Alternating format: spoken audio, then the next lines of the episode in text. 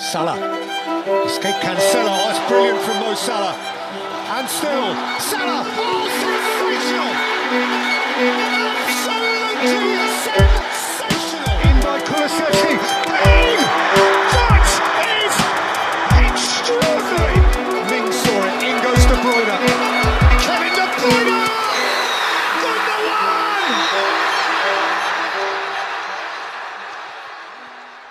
Hej allihopa och välkomna tillbaka till FBL ikväll. Det är bara tre dagar kvar till FBL-premiär och eh, sommaren har längtat, eller hur Gustav?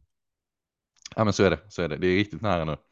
Eh, och det gör att man känner sig lite taggad, eh, minst sagt. Eh, både på att ha Premier League tillbaka, ha fotbollen tillbaka på riktigt. Eh, och då såklart att vi får börja spela FPL igen.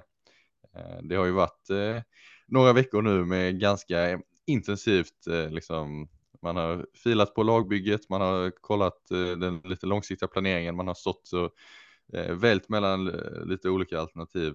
Eh, och eh, jag är inte riktigt klar. Jag känner mig inte helt klar i alla fall, även fast det bara är tre dagar kvar.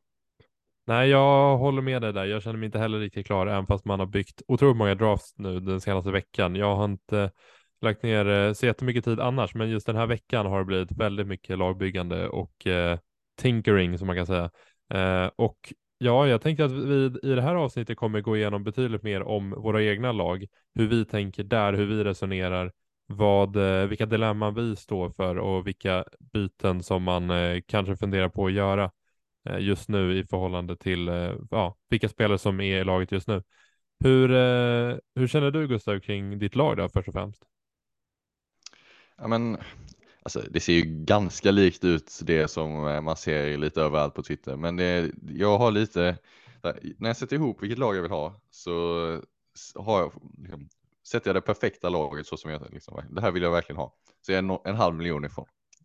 Eh, och det laget är en 352 uppställning med Watkins eh, bredvid Håland på topp eh, och Chilwell som första bänkspelare Eh, med eh, Gabriel Stupinian och eh, Stones eller Stones eller Diaz i, i backlinjen.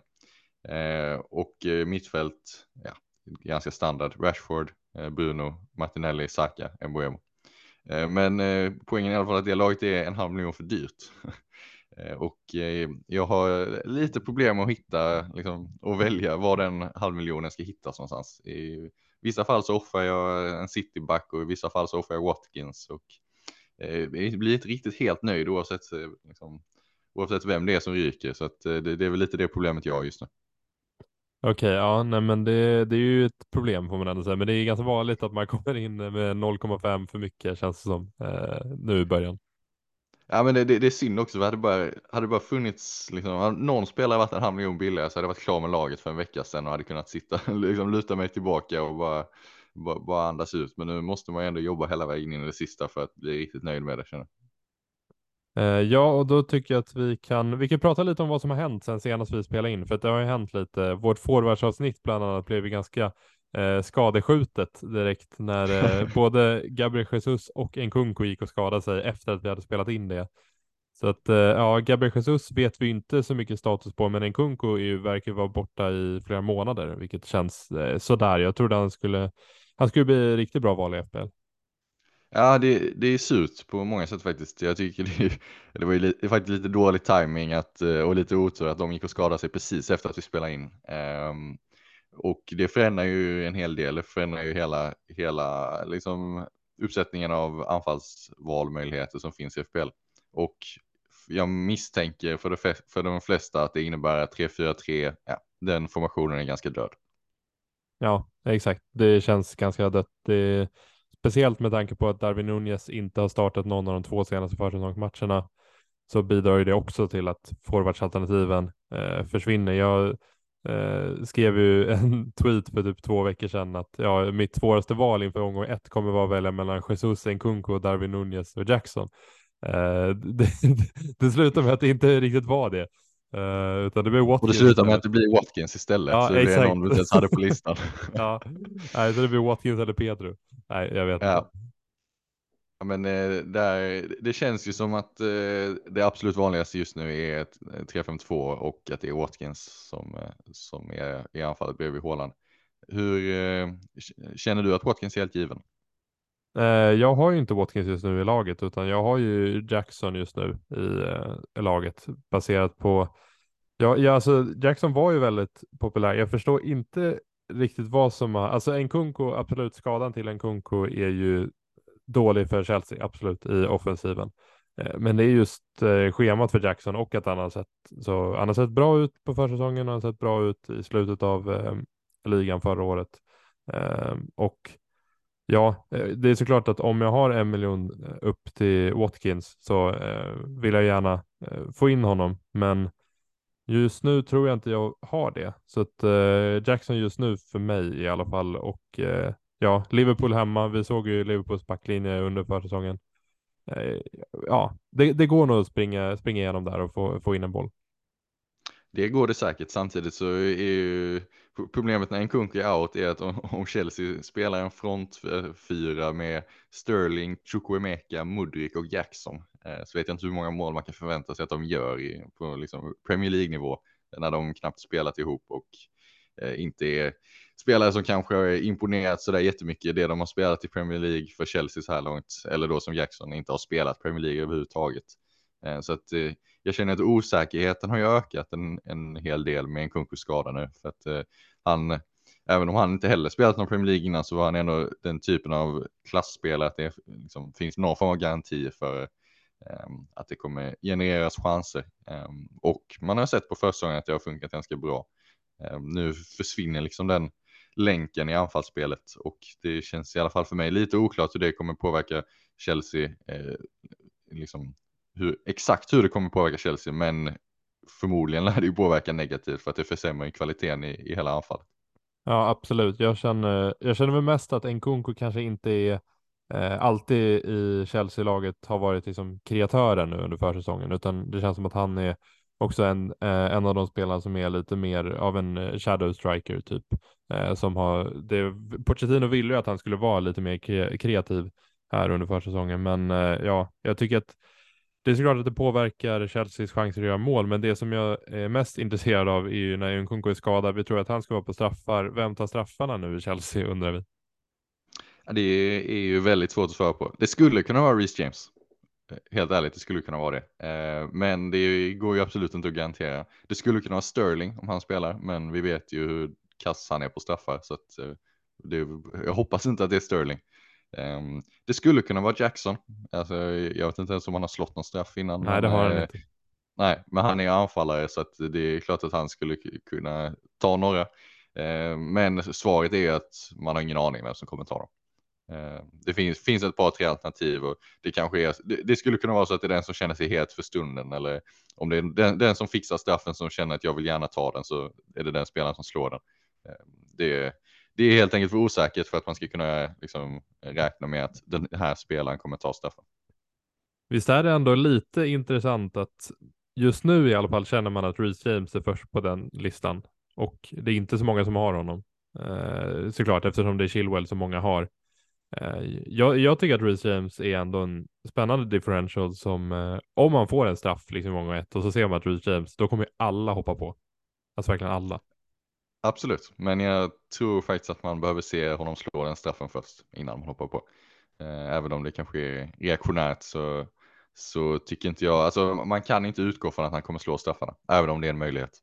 Eh, så jag hade inte velat, eh, liksom, om man inte tycker att James är tillräckligt bra för att ha, ha med i laget och så tänker man man kan kanske får slå straffarna så plockar man in honom bara för det och så får han inte slå straffarna, vilket är fullt möjligt.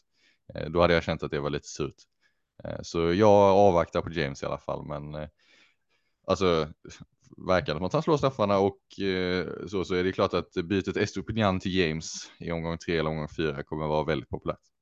Ja, eh, ja, och jag kan väl gå igenom mitt lag lite just nu. Jag har ju eh, lite annorlunda från dig. Jag har, vem hade du i mål förresten? Jag tror inte du sa. Johnston i mål just nu. Mm. Okej. Okay.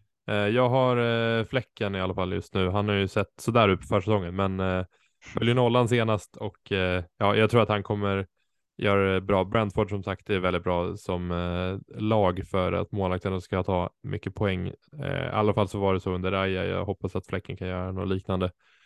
Och sen så har jag Chilwell, Stupinian, Gabriel och sen så ett mittfält då just nu med Bruno, Madison, Martinelli, Rashford, Saka och anfallare är Nicholas Jackson och Haaland och eh, på bänken har man en, lit, en liten eh, utstickare i Destiny Udogi som eh, inte ska spela jättemycket kanske, men eh, ska täcka upp framförallt i omgång fem för Estupinian tror jag. För han, Estupinian har ju United borta då den matchen och Udogi har Sheffield United hemma. Så att, det är väl tanken där. Det är ju ett eh, Spurs-tungt bygge får man säga i alla fall. Eh, så mm. jag tycker att det är, det är ändå värt att, att, ta en diskussion kring, kring Spurs. Både de två spelarna du har i laget men också Harry Kane. För att eh, där har det ändå också hänt en del sen senast vi spelade in.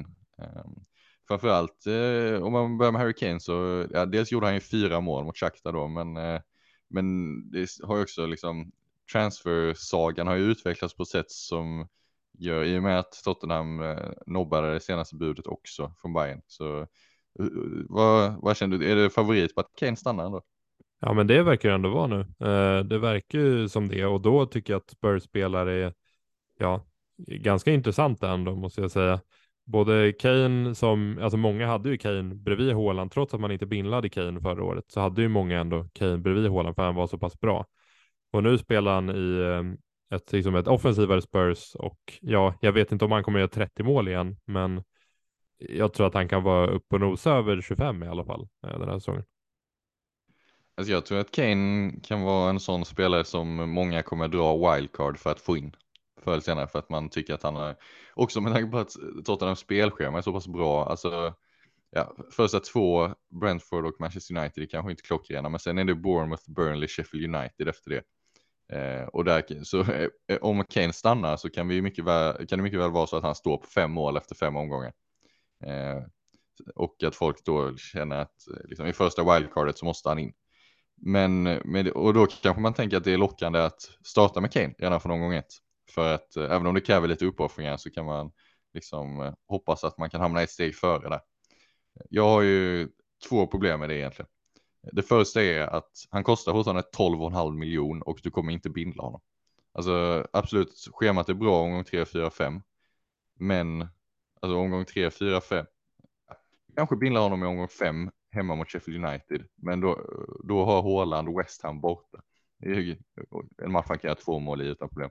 För omgång 3 och 4 så har City, Sheffield United och Fulham också. City binder på Haaland. Han kostar 12,5 miljoner, du kommer inte bindla honom. Och Även om det just nu kanske ser ut som att han kommer stanna. Transferfönstret är ju öppet hela augusti och det är ändå lite så att vad som helst kan hända. Om man börjar med Kane och sen liksom har de första en eller två matcherna och sen så lämnar han efter det precis när det här bra spelschemat börjar. Det kanske inte är supersannolikt men det skulle ju kunna hända att han lämnar även efter att säsongen har börjat. Eh, och då, eh, det är en situation som jag hade velat, velat undvika. Ja, eh, en tanke jag hade bara jag vet inte om så många har pratat om det här, men hur skulle du känna för att eh, gå jätteaggressivt i början och dra wildcard i omgång tre? För det är alltså, det är två, det är två matcher, framförallt, jag tänker framförallt på Spurs och Chelsea som vars schema vänder. Till exempel om man börjar med triple Brighton till exempel. De här två öppningsmatcherna. Det är, jag tycker ändå att det är en helt okej eh, idé, även fast man vill ju spara eh, wildcardet till längre fram. Men eh, ja. Alltså jag, då, då, ska man ju vara, eh, liksom, då ska man känna att man måste, måste ha Kane i laget. Det är det enda, enda anledningen till att jag hade gjort det. För att jag kollar fram på mitt eget lag i omgång tre. Alltså jag har ju svårt att hitta ett byte som går att göra för att schemat ser så bra ut för alla spelare. Alltså omgång tre. Arsenal har Fulham hemma, Manchester United har Nottingham Forest hemma, Manchester City har Sheffield United borta, eh, Brentford har Crystal Palace hemma, Chelsea har Luton hemma. Ehm, Alltså det, alla de spelare som man, som man bygger laget kring i omgång ett har ju bra schema i omgång tre. Ja, jo, men om, vi, om vi säger omgång fyra då? Om vi byter i omgång fyra. Ja, kanske. Jag eh, tycker att man ska vara, man ska vara öppen för att det, man kan hamna i en situation där man måste dra wildcard så tidigt eller känna att det är det bästa sättet och då ska man liksom inte tveka. Men jag tycker ju inte att man ska planera för eh, för att eh, det är så mycket som kan hända, så mycket som vi inte vet.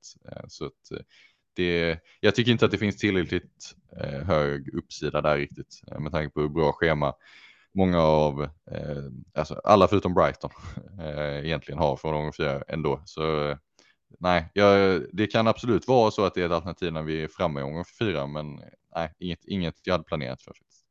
Jag undrar hur du känner kring eh, Joao Pedro, för att han är ju en spelare som vi inte riktigt pratar om så jättemycket under forwardsavsnittet, som nu har blivit väldigt populär. Delvis för att han spelade eh, försäsongsmatchen här och gjorde mål på straff. Han har gjort två mål eh, på försäsongen på straff, båda två.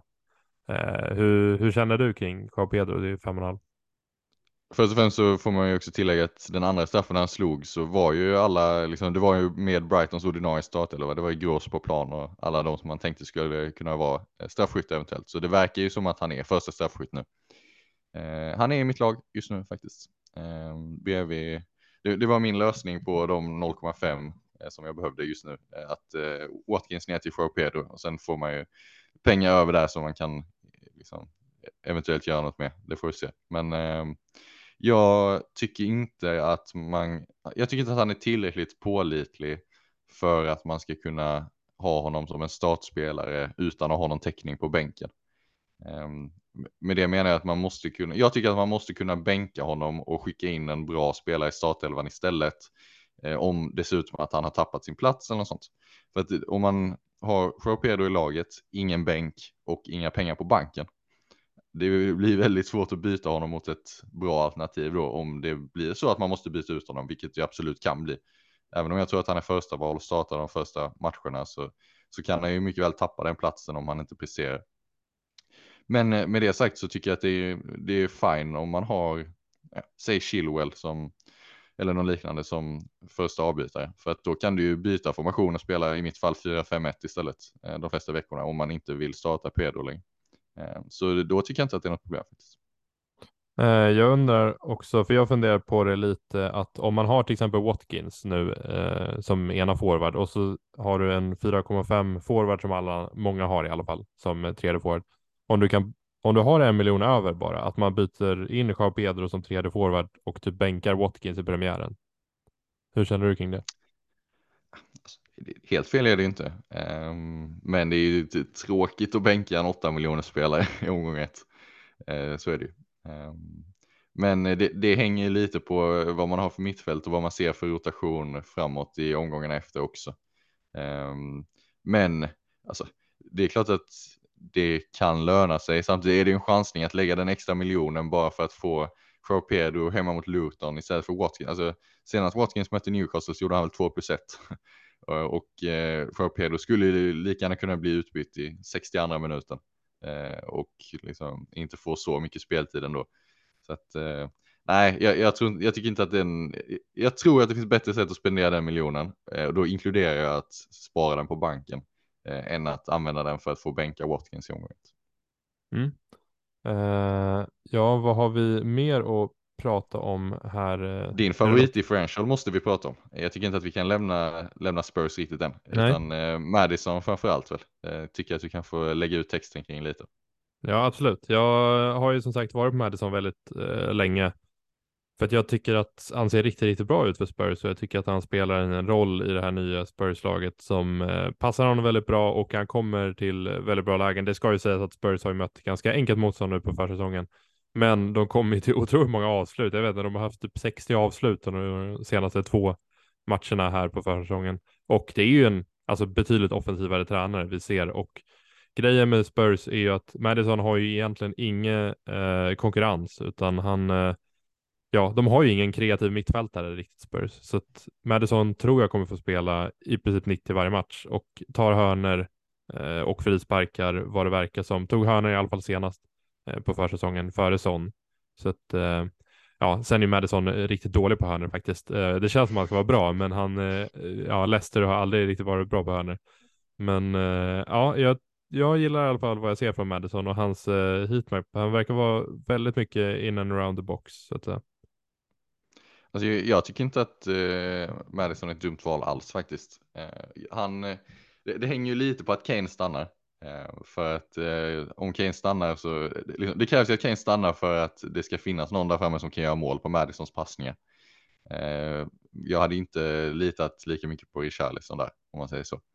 Ehm, men grejen med Madison är också att det är en betydligt billigare chansning eh, om man jämför med att chansa på Harry Kane och hoppas att han stannar.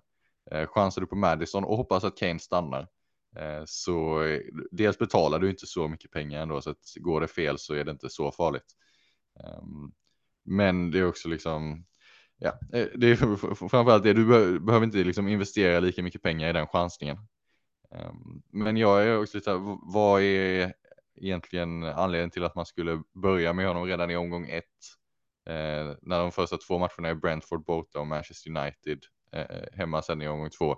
Eh, istället för att vänta, se vad som händer med Spurs, se hur de, om de klarar av att eh, liksom fortsätta med sina, sina 30 avslut per match eh, även i Premier League eh, och sen hoppa på i omgång tre när schemat blir bra. Eh, ja, för mig är det väl egentligen att man vill eh, komma före andra tror jag. Eh, och att du inte vill, eh, alltså, jag, jag vill som inte boka in ett byte känner jag. Det är väl det jag försöker undvika den här säsongen. Och eh, då känner jag väl att jag vill gå på spelare som jag tror kommer göra bra liksom första fem, sex veckorna. Eh, och då tror jag att, då tror jag mer på eh, Madison än eh, Ja, det är det som gör mitt stora dilemma just nu, för jag, jag gillar ju verkligen en Buemo och jag vill ju liksom jag vill, jag vill ha honom i laget. Så att jag vet inte hur jag ska göra där riktigt. Det är just att jag, då hoppas jag nästan på att han ska vara skadad och det vill jag inte göra. För att, eh, mm jag vill ju att Mbuemo ska vara liksom ett bra alternativ och jag, jag gillar verkligen Mbuemo också. Så jag vet inte riktigt hur jag ska göra det med Madison och Mbuemo. Det är svårt för att mittfältet är ju väldigt svårt att peta någon tycker jag. Rashford, Bruno, Martinelli, Saka. De är otroligt, otroligt bra. Eh, och samma med Mbuemo och Mitoma finns ju där också. Så att, ja, jag tycker det är väldigt svårt att peta någon, men jag vill som ja, Madison, det är lite min gubbe nu här på förra säsongen, så vi får, ja, jag, jag, vill, jag vill som köra på han känner jag. Ja, nej, men det kan jag förstå. Jag är ju själv inne och funderar lite på Madison också faktiskt. Eh, framförallt från omgång tre egentligen. Just nu så har jag till med pengar på banken för att med marginal kunna göra en Buemo till Madison i omgång tre. Och det är väl eh, någonstans det som är planen.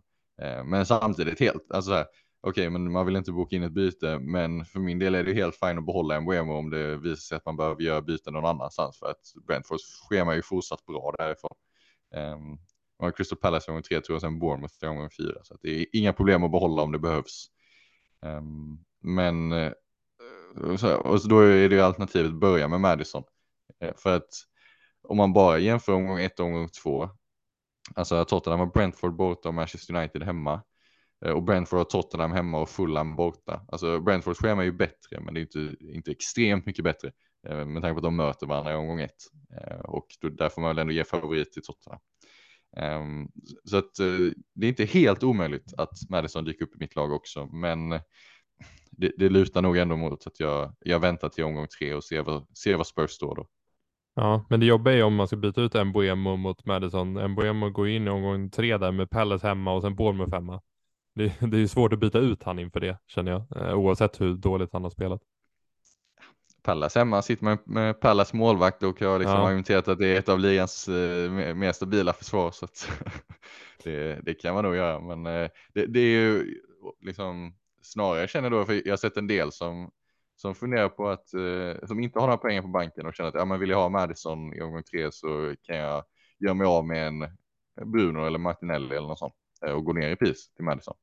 Eh, får man bara liksom påminna om att i omgång tre så, så möter Arsenal Fulham hemma och Manchester United möter Nottingham Forest hemma och ingen kommer någonsin sälja en startande mittfältare från de lagen i den omgången.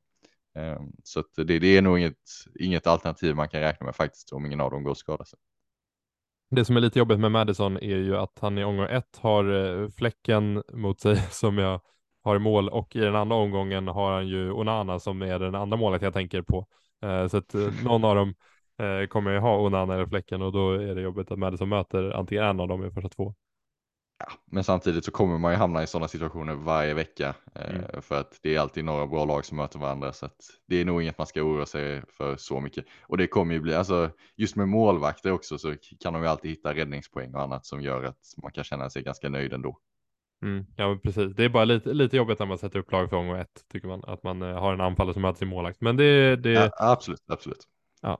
Eh, ja, vad har vi med? Jag vill också prata lite, eh, eller jag vill eh, nämna Udogi bara för att jag har ju honom och jag måste förklara kanske varför. Jag sa ju lite där med Sheffield United hemma, men eh, Spurs värvar ju eh, Van de Ven, eh, tror jag uttalas, eh, mittback från Wolfsburg. Här. Ja. Och eh, ja, det kändes som att de behövde en vänster mittback i alla fall, det kan man ju säga, så de slipper spela Ben Davis där när Premier League-säsongen startar. Eh, och ja, eh, Udogi har ju spelat i princip alla matcher på försäsongen. Han verkar ju faktiskt eh, given. Region verkar ju typ säljas och Perisic verkar ju inte spela vänsterback i den här formationen. Så att, och Sessinon är skadad. Så att Udogi verkar ju vara ganska given ändå. Sen tycker jag att Spurs försvar, absolut, det är inte världens bästa. Jag hoppas att det blir bättre med Van de Ven, men ja, från vad jag har sett under försäsongen så är ju Udogi Ja, har lite potential, potential att bli lite så här Estupinian när det gäller anfallsmässigt. Han följer med väldigt, väldigt eh, mycket i anfall eh, under försäsongen, så att jag hoppas att han kan göra samma sak nu när Premier League startar och att, eh, ja, eh, Postecoglou är ju känd för att eh, hålla kvar vid sina eh, taktiker och sina, ja, eh, han, han bryr sig inte om det ser så där ut utan kör vidare och eh, då tror jag att han kommer köra vidare precis som han har gjort i försäsongen nu i Premier League också. Alltså, det är en intressant spelare helt klart. Jag har väl lite, liksom, jag känner att det finns frågetecken kring Spurs defensiv, om man kan lita på den.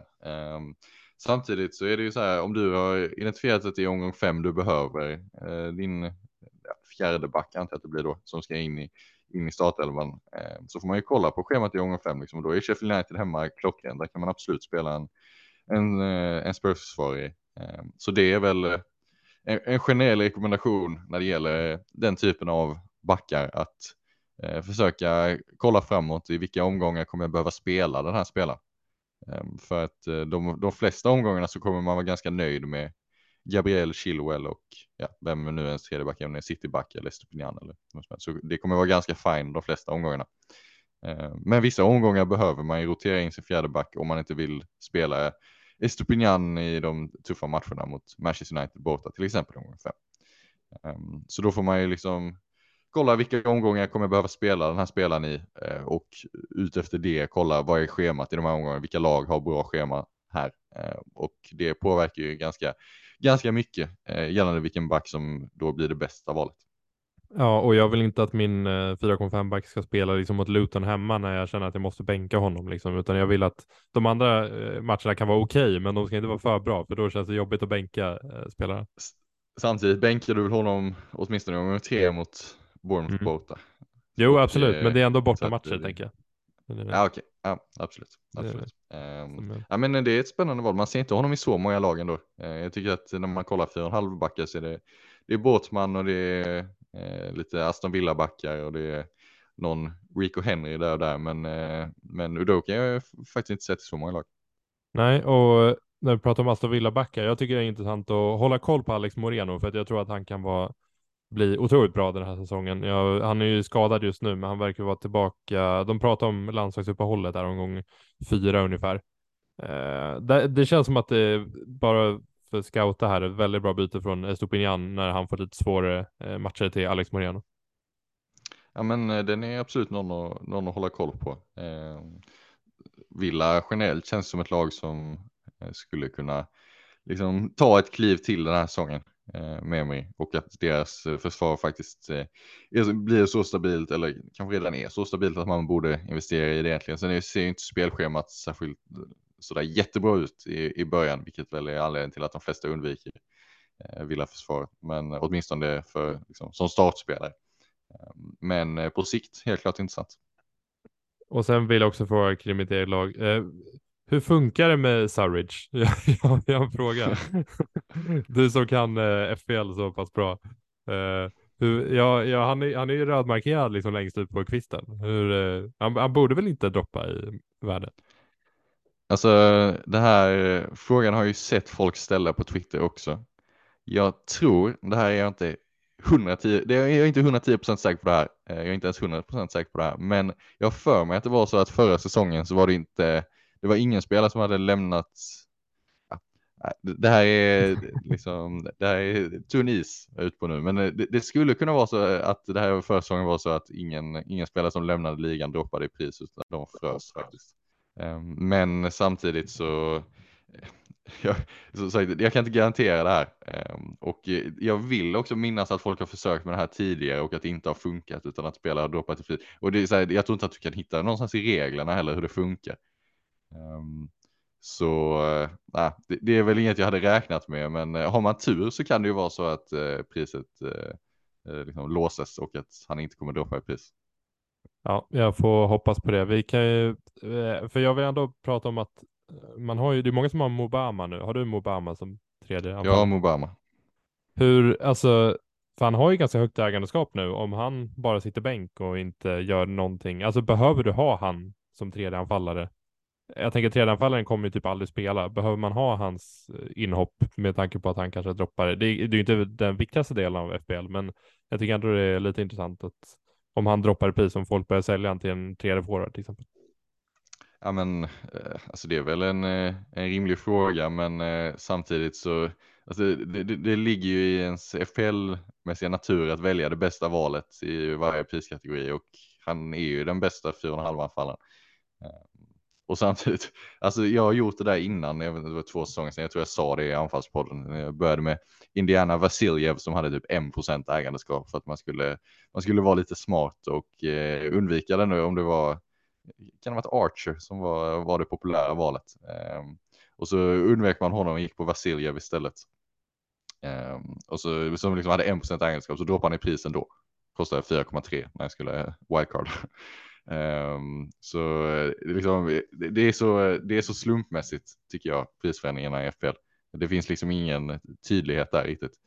Um, så att um, nej, det, det, det kanske är så att man inte borde gå på Mobama, men jag tycker att han är det bästa alternativet och då eh, liksom, blir man ju blir man ju sugen på att det är han som ska in ändå. Liksom.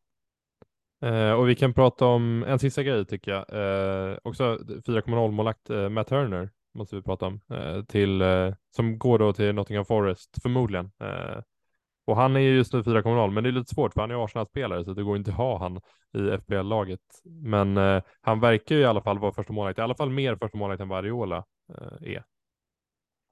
Ja exakt, så på sikt, om inte, om inte Forest signar Dean Henderson så lär han ju förstå.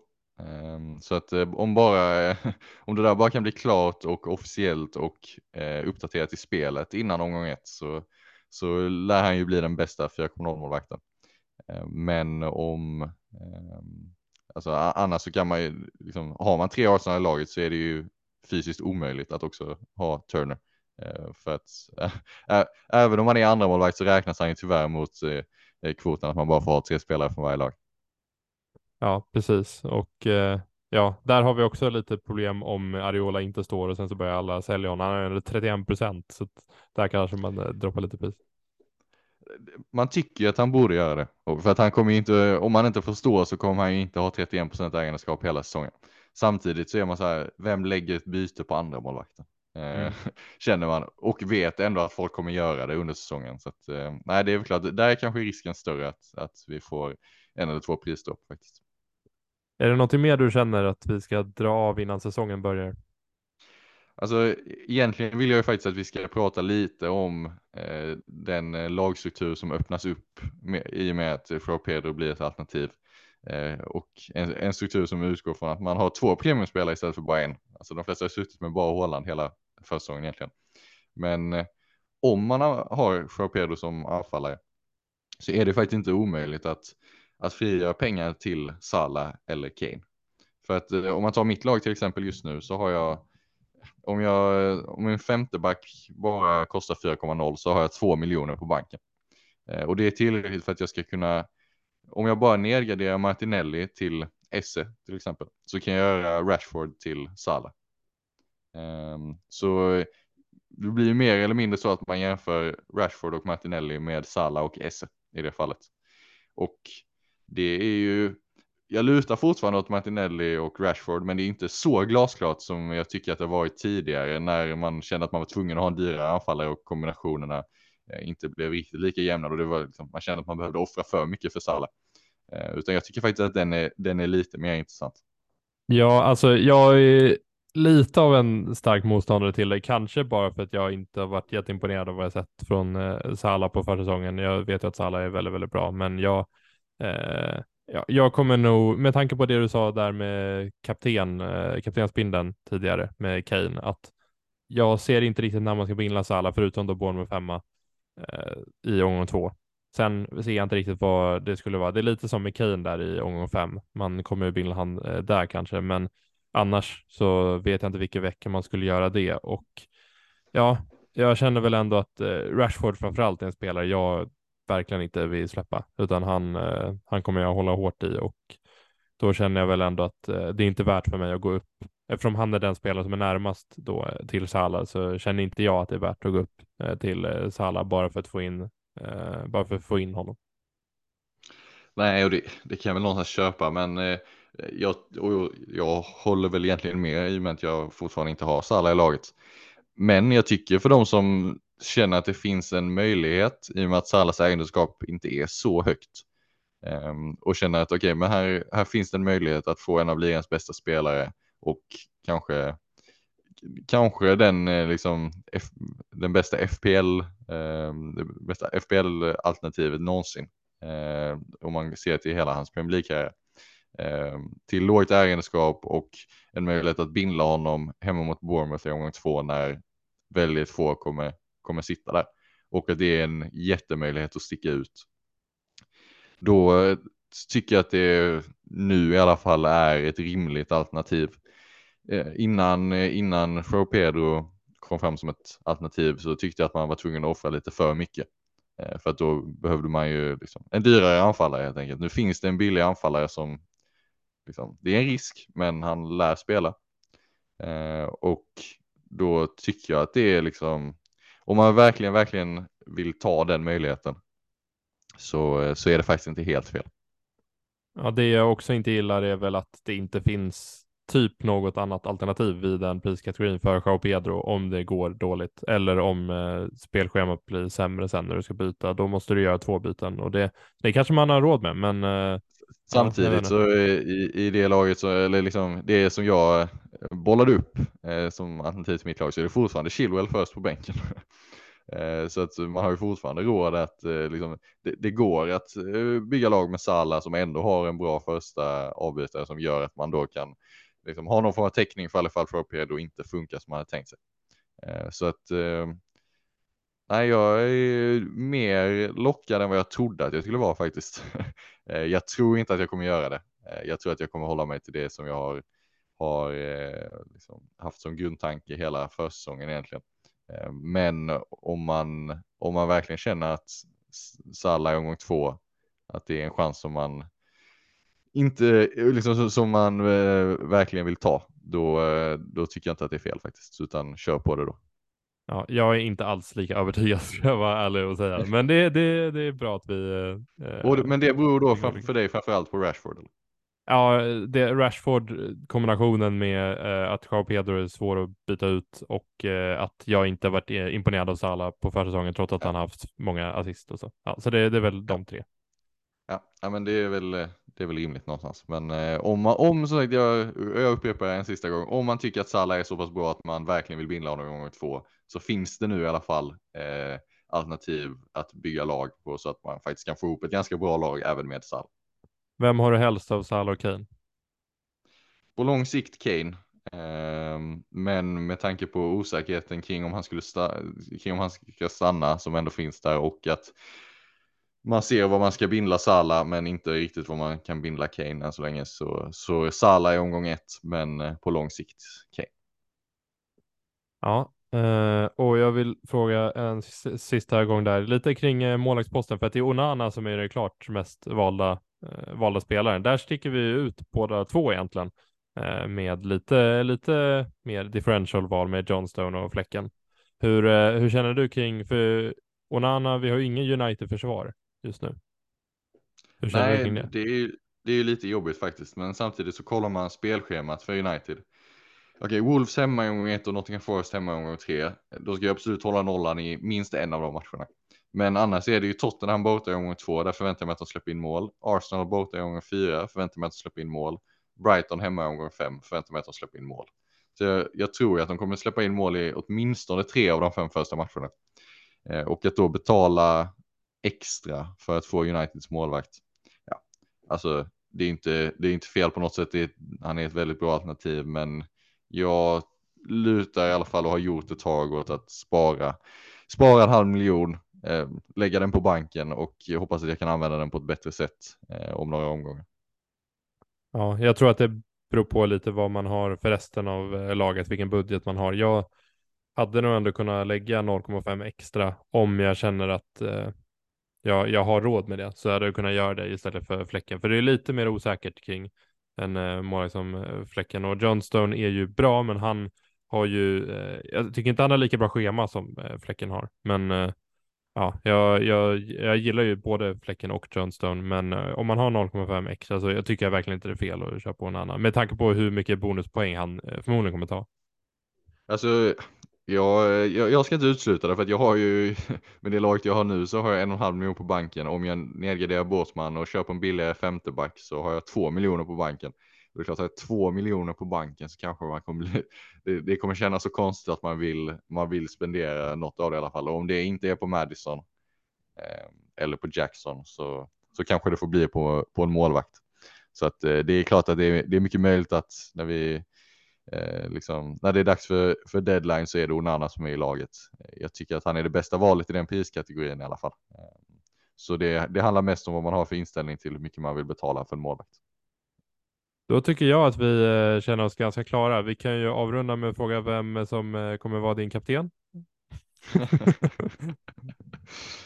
ja, det är alltså det, det sjuka är att jag, jag har ändå sett folk som har, jag har argumenterat för att eh, Saka till exempel hemma mot Nottingham Forest är ett bättre val än eh, Håland för att man tänker sig att fredag kväll mot liksom nykomlingar på bortaplan att det kan bli eh, liksom, lite tuffare än vad folk tror kanske. Men nej, det är klart.